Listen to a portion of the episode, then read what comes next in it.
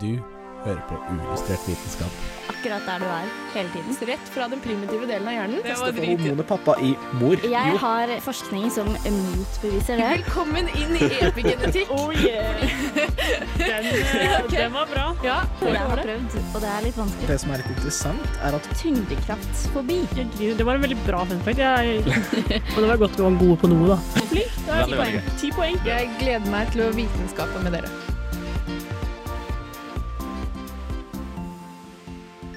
Science isn't about why, it's about why not.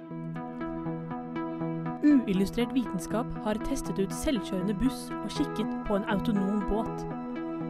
Når kan dette bli vanlig, og er det egentlig den riktige retningen å ta?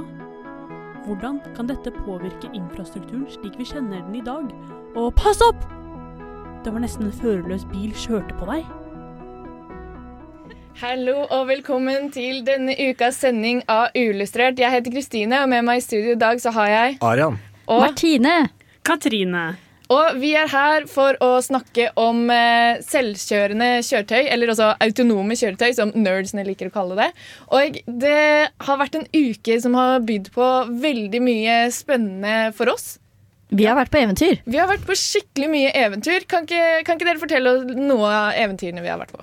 Martine. Vi har kjørt den selvkjørende bussen som fins her i Trondheim, som Erna også har kjørt, men nå var det vår tur. Nå var det vår tur. Vi koste oss, eh, og det skal dere få høre mer av etterpå. Og så har vi gjort en ting til. Vi har også vært på en selvstyrt båt ved navn Milliampere. Ja, Den finnes også i Trondheim og er nå NTNU-prosjekt for å få en eh, da, selvkjørende ferje her i Trondheim. Så eh, det har vi, vi har veldig mye gøy å by på, og jeg tenker vi er nødt til å bare kjøre rett på for å rett og slett høre om de morsomme tingene vi har gjort, og selvfølgelig for å høre om det spennende temaet selv, autonome kjøretøy. Jeg kan ta, bruke, bruke det fancy Ja, ja, ja, ja, er ordet. der, er Men eh, før Vi vi kommer så langt, så skal vi høre Cheeky Doll med Bird her på Radio Revolt på Uillustrert vitenskap. Inne fra øya, hvor vi skal prøve den selvkjørende bussen. Vi har nå eh, lastet ned appen ATV selvkjørende buss. Eh, Vi har fortalt den hvor vi vil dra fra, og nå kommer den og henter oss. Den kommer rundt hjørnet, og den venter på oss. Hei, hei. Velkommen om bord. Jo, takk. Ja, så bra. Oi! Da kjører vi. Ja. Den plinger til. Det høres ut som en, sånn, en, en trikk. Jeg har litt følelsen av at jeg er på berg-og-dal-bane. Så nå, nå stopper den opp. Her står det jo faktisk en eh, i veien for oss. Og det gjør at bussen stopper. Ja. Gjør det. Ja, så Hvis det er en fyr da, han som har parkert midt i glaninga der Riktig. Så er det, da må vi kjøre mandags. ja. Nå har vi laget trafikkork. Oi, oi, oi. Nå drifter vi. Nå drifter vi. Ja, men den har fortsatt bedre svingradius enn eh, bilen min. altså. Ja. Dette gikk jo mye smoothere. Det hadde vært litt gøy om man kunne implementere en sånn her eh, løsning med selvkjø- selvkjørende fartøy. Blir det vel. Og liksom sånn Foodora. Nei? Og så hadde Foodoraen min blitt stående i gata ved siden av fordi det er en eller annen idiot som skal lukeparkere. Men nå er vi altså framme. ja, det her er da Nidarø. Og det her er stolen når dere bestilte. Så kjørte bussen herifra og opp dit. Tusen takk for turen. Bare hyggelig.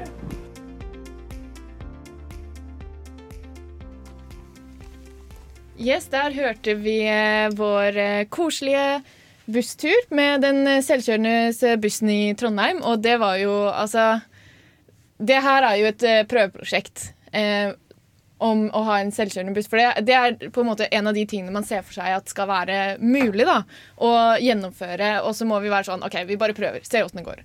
Men vi oppdaget ganske fort det, første det største problemet til denne bussen. Som er det at eh, den eh, Hvis den får en hindring, så bare stopper den. Shutdown. Ja. Total shutdown. Det er ikke shutdown, men den bare stopper opp og venter på at de andre skal flytte seg. Ja, så hvis noen da har parkert eh, litt for langt ut i veien, så, og det egentlig er plass til at man kunne liksom eh, kjørt to centimeter til venstre og kommet seg rundt, eh, så blir den bare stående, fordi det har den ikke kapasitet til å gjøre. Så det var litt slitsomt. Og da måtte han bussjåføren som var der, ta den over liksom, og styre den med sånn joystick. da. Så det var jo eh, litt slitsomt. Men ellers så funka det jo ganske bra. Ja, altså det var jo en veldig behagelig opplevelse, først og fremst. Eh, veldig digg å ikke gjøre noe. Vil dere si at det tok raskere å komme seg fra samfunnet til øya med bussen enn å gå? Ja, Ja. definitivt. Den kjører 15 km i timen, som er på en måte Det føles veldig fort, da. Når du sitter der. Ja, men det var, den ene veien var det mye hindringer, så der Ja. kunne det vært litt sånn Det kunne Ja vi ja, gått, kanskje. der kunne Ja. vi kanskje gått. Men det var en opplevelse, og når ting ikke står i veien, så kommer man seg jo fra A til B raskere. Mm. Ja, altså eh, bort til eh, eh, Spektrum så hadde det kanskje gått litt raskere å hinke bort. Eh, men andre veien så var det jo veldig Ja, det var eh, noen tekniske problemer. Ja, Eh, det, ja, det skjønner jeg. skjønner. ja, men det er jo egentlig bare fordi folk ikke kan parkere. Du hører på Radio Revolt, studentradioen i Trondheim.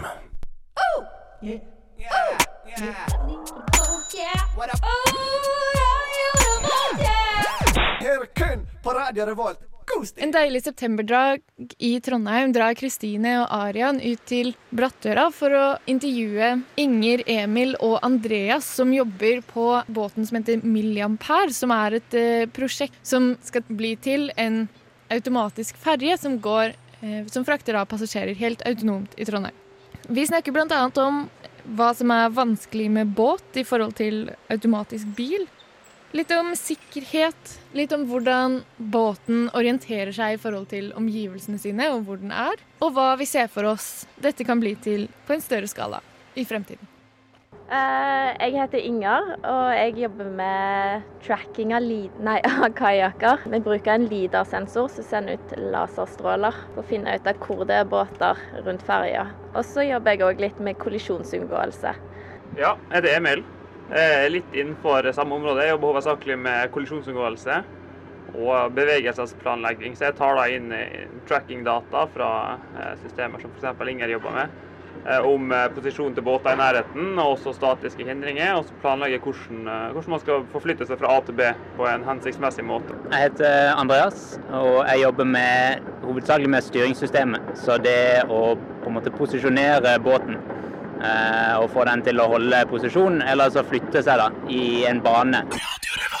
Planen er jo at de skal lage en litt større versjon av Milliampere. Og den skal være i drift i Ravnkloa og krysse kanalen der. Og da skal det være sånn at du trykker på en knapp, og så kommer ferja over til den sida du står på. Du går på, og den tar deg over til andre siden. Spennende. Eh, Det hørtes jo veldig enkelt ut. Er det lett å få til i praksis? Nei. Nei, det er en del som en må finne ut av. Det ene er jo det at en må vite hvor det er andre båter. Og selvfølgelig òg må en jo ikke krasje i de. Og det, det er liksom de to første tingene en tenker på. Men eh, det er jo òg at regler og sånn skal følges, og alt må godkjennes. Alle båter som skal være i drift må godkjennes av eh, Veritas. Og autonome båter det er jo noe helt nytt, så det, alt det må på plass. Tror du det er enklere å få til sånn i praksis eh, det med båt enn eh, bil? Nei, egentlig ikke. Biler har jo ofte en vei de skal følge. Eh, Det er mye Det er skilt, det er linjer. Eh, Mens båter kan jo bevege seg egentlig rundt som de vil. På land har du fotgjengere, men på sjøen så har du jo kajakker og vannskutere og grunner som ikke syns nødvendigvis. Så det, det er litt å ta tak i. Kanskje vanskeligere for en datamaskin når den kan velge mellom mange steder å være? skal du si om det? Du har jo ja, du har mye plass, men da har du veldig mange valgmuligheter òg. For en bil så er det jo stort sett å følge, følge veien. Det er sjelden det er noe alternativ å kjøre ut på et jorde. Mens eh, en båt kan gå litt sånn som man vil, men eh, det blir jo veldig forvirrende for de andre båtene hvis eh, båten vår bare svinger Ja, oppfører seg rart, rett og slett. Vi må jo også ta hensyn til bølge og vind og strømninger i tillegg, som eh, man ikke trenger når man eh, er i en bil. Så man har også det man må kompensere for på en eller annen måte. Så ikke man eh, kolliderer eller eh, eh, Inni kanalen her f.eks. så er det mye mer uforutsigbart eh, ja, hva som kommer til å skje. Og oppførselen til kajakk og andre båter er ganske vanskelig å predikere. Så det er det som gjør det det her mener jeg er litt vanskeligere enn f.eks. autonome biler, er at du har ikke den faste rammen der du kan forvente hva en annen eh, aktør kommer til å gjøre. Og også, eh, for min del i hvert fall, syns jeg det er utrolig vanskelig å måte forutsi eller eh, evaluere hva som er god oppførsel fra ferga når jeg lager planleggingssystemer. Fordi det er vanskelig for meg å si hva som kan oppfattes av andre som fornuftig. Og, at for dem enkelt å skjønne fergas intensjon når den begynner å manøvrere. Det kommer veldig an på den som kjører, eh, sikkert. Ja, det vil jeg tro. Og det er også et problem her at vi, vi ser på et eh, område der det er utrolig mye fritidsbåter og uerfarne sjåfører. Og man kan ikke anta at alle andre kommer til å oppføre seg i henhold til Coldregs. Eh, så man må på en måte ta høyde for, ta høyde for det også. da. Og som en autonom ferge så, så må man Altså, det hjelper ikke å si at man hadde eh, sjø, sjøveireglene på sin side. på en måte. Det, for at folk skal kunne stole på teknologien, så, så kan man ikke gjøre feil. I hvert fall ikke så tidlig, tidlig på det stadiet her. da. Og det, det, er et veldig viktig punkt, det er hvordan en skal få folk til å få tillit til selvkjørende fartøy. Det er jo noe det, de jobber ganske mye med, å finne ut hvordan skal du verifisere sånne fartøy. Altså, når kan du gi dem et godkjent stempel? Fordi målet må jo være at de skal være minst like trygge eller tryggere enn menneskelige operatører. Eh, men det er jo vanskelig å måle, fordi at du kan se på statistikk og finne ut av hvor mange ulykker skyldes menneskelig feil. Men det er vanskelig å se hvor mange ulykker som unngås fordi det er mennesker om bord. Mm. Og samtidig så vet vi ikke hvor mange nye feil vil automatiseringen bringe med seg. Og heller ikke konsekvensene av de. Så det er en del å utforske der. Hva bruker denne båten for å vite hvor den er og hva som er rundt? Dere har sikkert ganske mange forskjellige systemer for det. Ja, På navigasjonsdelen så har vi et, eh, et GPS-system som, eh, som, er eh, RTK GPS som er montert her i, på taket på det bygget der nå, som gir oss veldig høy presisjon. Så der har vi centimeterpresisjon på, på vår egen posisjon. Eh, for å detektere omgivelsene rundt oss, så har vi eh, Vi bruker LIDAR med en laserskanner. Eh, vi har radar, og vi har også da kamera der både infrarødt og vanlig optisk kamera. Også det er ganske mange systemer. Ja, det er det. Så det jobbes hardt med å, å, bruke de forskjellige sensorene til å få ut fornuftig informasjon, og også kombinere de forskjellige sensorene for å på en måte dekke over hverandres svakheter og utfylle hverandre. Er det mm, vanskelig å få disse systemene, eller alle disse, denne informasjonen til å gi et liksom endelig svar da, på hvor båten er og hvor skal du lande? Sensorfusjon? Ja, det er vanskelig. det er det absolutt. Sensorfusjon er vanskelig fordi at du får beskjed fra masse ulike sensorer. Så sier kanskje den ene ja, det er, noe, det er noe der. Og så har du ikke noe signal på den andre. Og da må du finne ut av hvilken skal du stole på. Problemet der er jo at eh, for min del som jeg jobber med måte, bevegelsesplanlegging, eh, så får jeg inn informasjon fra situasjonsforståelsessystemet. Eh, og så må jeg gjøre en vurdering på hvor godt jeg stoler på den informasjonen. Og hvis jeg tror den er måte, mye støyete eller, uh, eller, dårlig, så må jeg måte, ta høyde for det i planleggingen og kanskje velge mye mer risikoaverse rute. Mens hvis jeg har høy tillit til den informasjonen jeg får, så kan jeg velge å manøvrere på en litt mer presis måte og ha mindre marginer og fortsatt føle at det er helt greit. Det er litt der vi er nå, at vi prøver å finne ut hvordan man kan kombinere sensorene for å få dekke mest mulig av, av det man kan komme over fra på en måte kajakker nært, eh, nært, båten til større båter langt unna. Er det på tide med sånn teknologi som det her, i form av selvkjørende kjøretøy? da? Si. Altså, Vi må jo ha noe å gjøre når oljen tar slutt. Så det, er på, det er absolutt på tide å begynne å jobbe med sånn teknologi som det her nå, gjøre seg erfaringer. Eh, det, har, eh, det er mye en måte teknologi som ligger til rette for det her, som har kommet til det siste. Type forskjellige sensorer, man har fått økt regnekraft som gjør at man nok kan begynne å utvikle den typen systemer um, til fornuftig måte, kostnad. Så det å hoppe på den bølga nå og, og, gjøre seg erfaringer, og når da den, det vi jobber med, begynner å bli modent, så kommer Norge til å ha den kompetansen, og at vi da fortsetter å ha uh, dekke over hele den maritime porteføljen. Så alt fra Eh, så alt fra på en måte eh, båtproduksjon til, til den autonome teknologien. Da, at eh, vi kan ha alt det her i Norge. Vi må begynne å prøve, i hvert fall. Ja, man må begynne å prøve. Hvis ikke så kommer man ingen vei. Ja. I større skala, hva tenker man at det her kan bli til? Altså, Norge har jo veldig mange øyer og veldig mange småsamfunn ute på øyer, og du ser at det blir dyrere og dyrere med ferjer, så kanskje noen av de kan erstattes av autonome ferjer. Kanskje du kan ha ei autonom ferje som ligger et sted og kobler sammen flere øyer, så du bare bestiller på en app som gjør det mulig for folk å bo der de vil.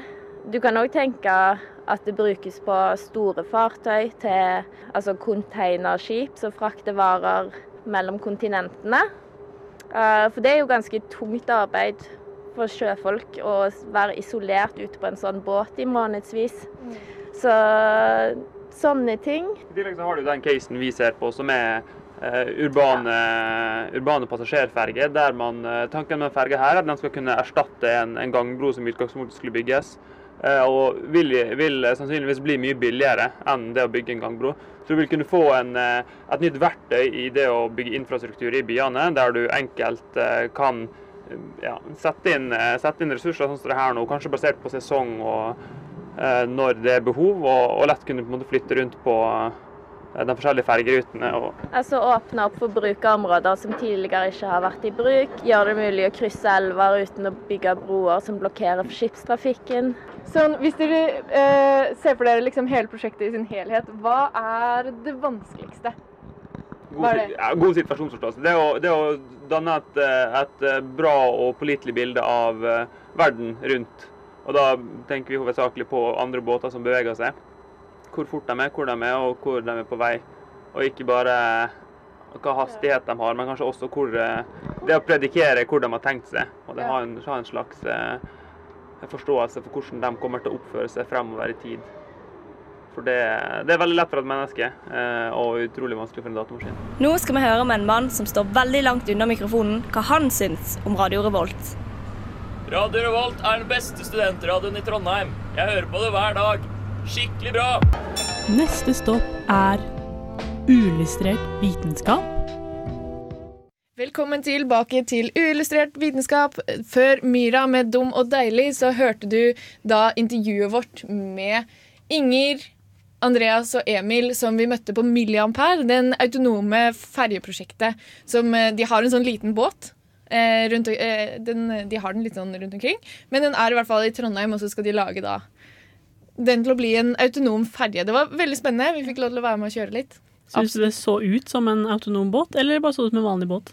Det så ut som en eh, Ja, det så ut som en miniferje, rett og slett. Sånn som du kjører bilen din over på, liksom. Bortsett fra at det, det var ikke plass til noen biler på den. Det var jo bare plass til at du kunne stå et par stykk på den. Men de skal lage en sånn stor en, da. Sånn Ja. som det er plass til masse folk på. Men det skal ikke være for biler, det skal bare være for folk og sykler og sånn. Håper den selger sveler. Det er jo minstekravet. Det er liksom svelebaker. eh, business idea. Du får eh, pitche det videre til dem. Men vi skal snakke om Fordi det bringer oss inn på nytt tema, det med autonom båt og det med eh, autonom buss. Dette her er jo løsninger som man lager for å ordne med bytrafikken. Fordi vi alle er jo kjent med at by Det er et sånn sted. Sånn rart lite sted med sånn altfor mye mennesker oppå hverandre hele tiden. Har du vært i Midtbyen på lørdag midt på dagen? liksom? Det er folk overalt. Du kommer deg ikke noe sted. Og det er i hvert fall ikke et sted du vil kjøre til. Nei, og hvis du kjører til en by sånn i firetida, ikke snakk om at du kommer deg verken inn eller ut. Og det var jo også en ting som eh, før AtB eh, ordna på bussystemet sitt sist, så var det jo sånn at det var ikke bilene som sto i kø med hverandre, det var jo alle bussene. Så du har et problem med at det er altfor mye mennesker som skal forflytte seg i en by samtidig. Og hvordan løser vi det? Jo, en løsning på det kan være autonome kjøretøy og løsninger med flere autonome kjøretøy. Og eh, jeg har lest en sånn rapport fra et eller annet teknologisk ja. Nå husker jeg ikke hva den Men det var en sånn Stort sett teknologiene som eh, Men- skriver rapporter. ja, en sånn rapport om hvordan man kan løse dette her. Da. Hvordan få det til å fungere i Norge, og hvor er vi nå, og hvor har vi lyst til å dra på vei. Og det var egentlig mer en sånn kartleggingsrapport, da, men den kom med ganske mange forslag til hvordan man kan løse det. Så eh, ja, nå skal vi slenge ut litt uh, forskjellige muligheter for hvordan vi kan bruke autonome kjøretøy i byer. Det vi har sett, er jo at eh, sånn som den bussen vi har i Trondheim nå, er jo en bestillingsbuss. Verdens første bestillingsbuss som er autonom. Og dersom man da har eh, et tilbud av autonome eh, bestillingsbusser, f.eks., og at dette tilbudet vil være så bra, så vil man jo ikke trenge å ha hver sin privatbil, fordi du blir henta der du trenger det, og kjørt til dit du skal. Og det kan jo være en veldig fin løsning, men dersom alle skal ha sin egen autonome eh, bil Det er jo en annen løsning igjen, på en måte. ja, At alle har hver sin. eh, da vil du jo komme deg dit du skal, men da vil det igjen være behov for parkeringsplasser. Og det er enda flere som kan kjøre bil, for selv de som har eh, lam i halve kroppen, de kan da kjøre bil. Og gamle mennesker og eh, Små barn. små barn og alle mulige folk kan eh, kjøre bil da. Ja, men det vi må også huske på at hvis det blir autonome biler, er at det blir ikke sånn at det da blir det akkurat samme trafikk og mer trafikk, som du sier, da, sånn som det er i dag. Da blir trafikken helt annerledes, fordi bilene kan kjøre enda nærmere hverandre. Fordi det er jo programmer som skjønner hvordan de skal kjøre. her. Det er ikke menneskehjerner. Og samme parkeringsplasser, da, de kan være enda tettere, og enda liksom, lukeparkering og sånn kommer jo ikke til å være et problem lenger. Du trenger ikke ha sånne idioter som ikke klarer å parkere. Nei, ikke sant. Det er bare vanskelig å lukeparkere. Og for så vidt, hvis de bilene kan komme seg rundt uten at det er noen inni, så kan man egentlig slippe at de parkerer midt på siden av veien, og da har man jo masse ekstra plass. At de kjører på en måte ut igjen, da. Mm, Når, de eh, kjører videre. ja, men da vil man jo få mange byen, tomme kjører- biler ute i gatene også. Ja. det vil de jo ha. Og da vil jo de ha et, et behov for å både kjøre fram og tilbake, og da blir det flere biler på veien igjen. Men så vil det jo også kunne påvirke hvor f.eks. folk velger å bosette seg i forhold til hva som da er lurt i forhold til kollektivtransport. For du ser jo det f.eks. nå eh, rundt de store byene, så er det jo veldig taktisk hvor folk ønsker å bosette seg i forhold til kollektivtilbudet, eller i forhold til eh, muligheten for å, ja, for å komme seg på jobb på diverse måter. Så det her vil jo påvirke bomønsteret også i en større grad. Absolutt, og det er jo kanskje en av grunnene til at det er så vanskelig å tenke seg til, er jo at det er så mange muligheter, da. Jeg vet ikke om dere tenkte det her, men når jeg var yngre og skulle gå til skolen, så så jeg for meg sykt mye at det var sånn helikopter som bare kunne liksom hente meg og liksom bare løfte meg opp, og så bare fly meg hjem, at jeg slapp å gå. Jeg liksom ser litt den retningen, da. Jeg vet ikke med dere. Ja, jo, ja Du tenker men stort. Da, Ja, jeg tenker da er vi liksom- helt på en annen side av uh, verden igjen. Det er vi med å tenke sånn, Hvis vi liksom kan på en måte tenke hvordan vil vi at det skal være? Skjønner du hva jeg mener? ja, ja, absolutt. Nei, uh, og det finnes jo også uh, flere måter å gjøre det på. Fordi det som også denne rapporten konkluderte med, og det er litt morsomt Den veien vi går nå, ved at det blir gradvis mer og mer eh, autonome systemer i biler, altså i det systemet vi allerede har, så er det flere som har tenkt seg ut at vet du hva, det er egentlig bedre å bare lage et nytt system. Hvis, vi, hvis det var mulig å bare bytte fra sånn som vi gjør det i dag, til en løsning med bare autonome kjøretøy, så hadde det vært bedre. Det hadde vært en enklere løsning. Ja, absolutt. Og hvis man på en måte tenker sånn, litt sånn i det kortsiktige, da. En hybridløsning vil jo heller ikke være optimalt, der hvor det måte er en blanding av autonome kjøretøy og av biler som er kjørt av mennesker. Nei, det er nemlig det. Det hadde jo vært helt kaos. Ikke sant? Fordi bilene bruker jo en sånn veldig spesiell teknologi som heter LIDAR. Det går ut på at det er lasere som kartlegger området rundt. Det er sånn skikkelig fancy. Så det er ra Nei, hva heter det? LIDAR. Det er radar bare med lys. Ja. Eller, eh, eller laser bare med Det, det kan være infrarød, det kan være ultrafiolett og det kan være synlig lys. Det er skikkelig fancy. Ok, Så det er et slags kamera? En slags sensor? Det, det er egentlig en sensor som skyter ut elektromagnetiske bølger. Ja, og så kommer det tilbake, og Mm. så er det sånn OK, hvor langt unna Mm, men- er den tingen? Ja, men fordi de kan være så høy energi, så kan den være veldig fingradert. Så man får veldig sensitive sensorer, da. Ja, sånn som vi opplevde da vi var på bussen. At han snakka om det at uh, han hadde et problem med at uh, hvis det faller et løv akkurat foran den sensoren, så stopper bussen.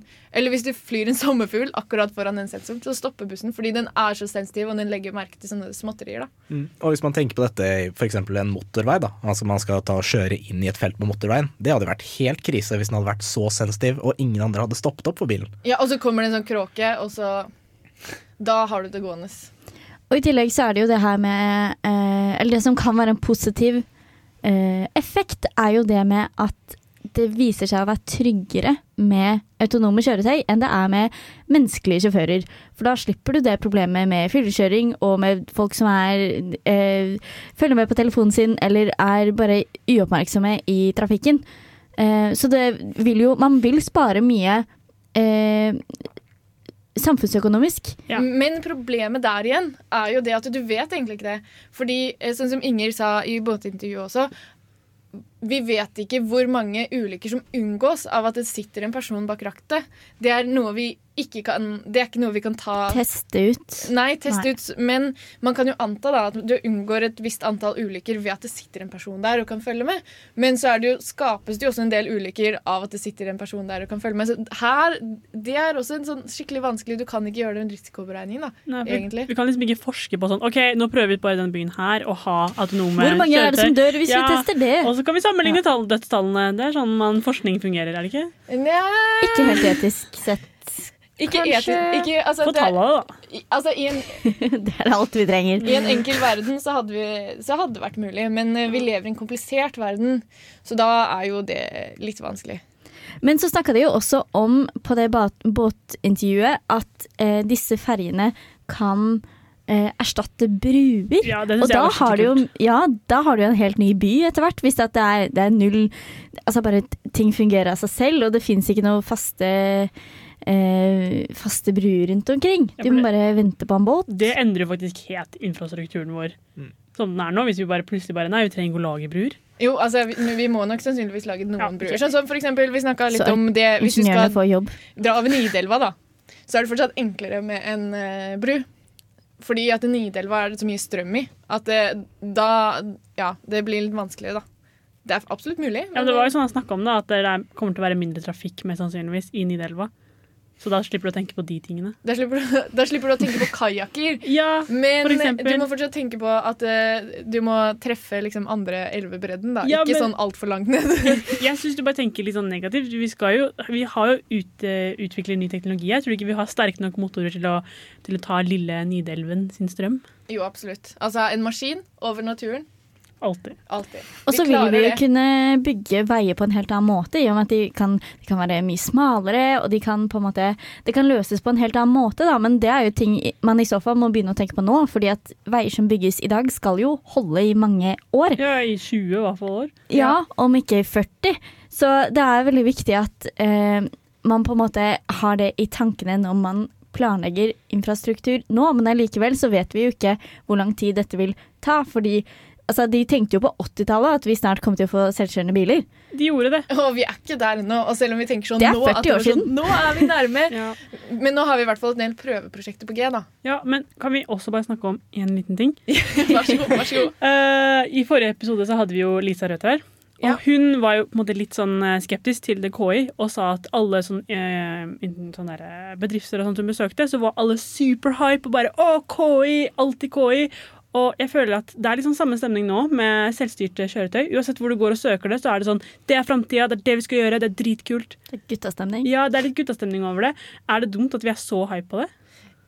Altså, ja, der har vi jo Det er jo et vanskelig spørsmål. Uh, jeg, jeg personlig kan jo si at jeg er veldig glad for det, for da fjerner vi alle instanser av road rage. Å, kjerringer klarer ikke å kjøre bil! Nei. Kanskje vi får litt mer likestilling blant kjønnene hvis vi har autonome kjøretøy? Ja, men det er jo absolutt verdt å tenke på. Burde, burde vi gjøre det her? Men sånn som vi også snakka om um, med den automatiske ferja, vi burde i hvert fall prøve å se liksom, i det små. Hvor har vi problemer her? Har vi problemer med at joggere kommer og løper for nærme bussen sånn at den stopper? Burde Altså, ja, det har vi. Vi ser at hvis dette skal fungere, så må folk følger veitrafikklovene og viser hensyn mye mer. Ja. Altså, vi burde lære. Det burde vi absolutt gjøre. Og det var jo et, eh, en dødsulykke i Arizona pga. en selvstyrt bil, så det Ja.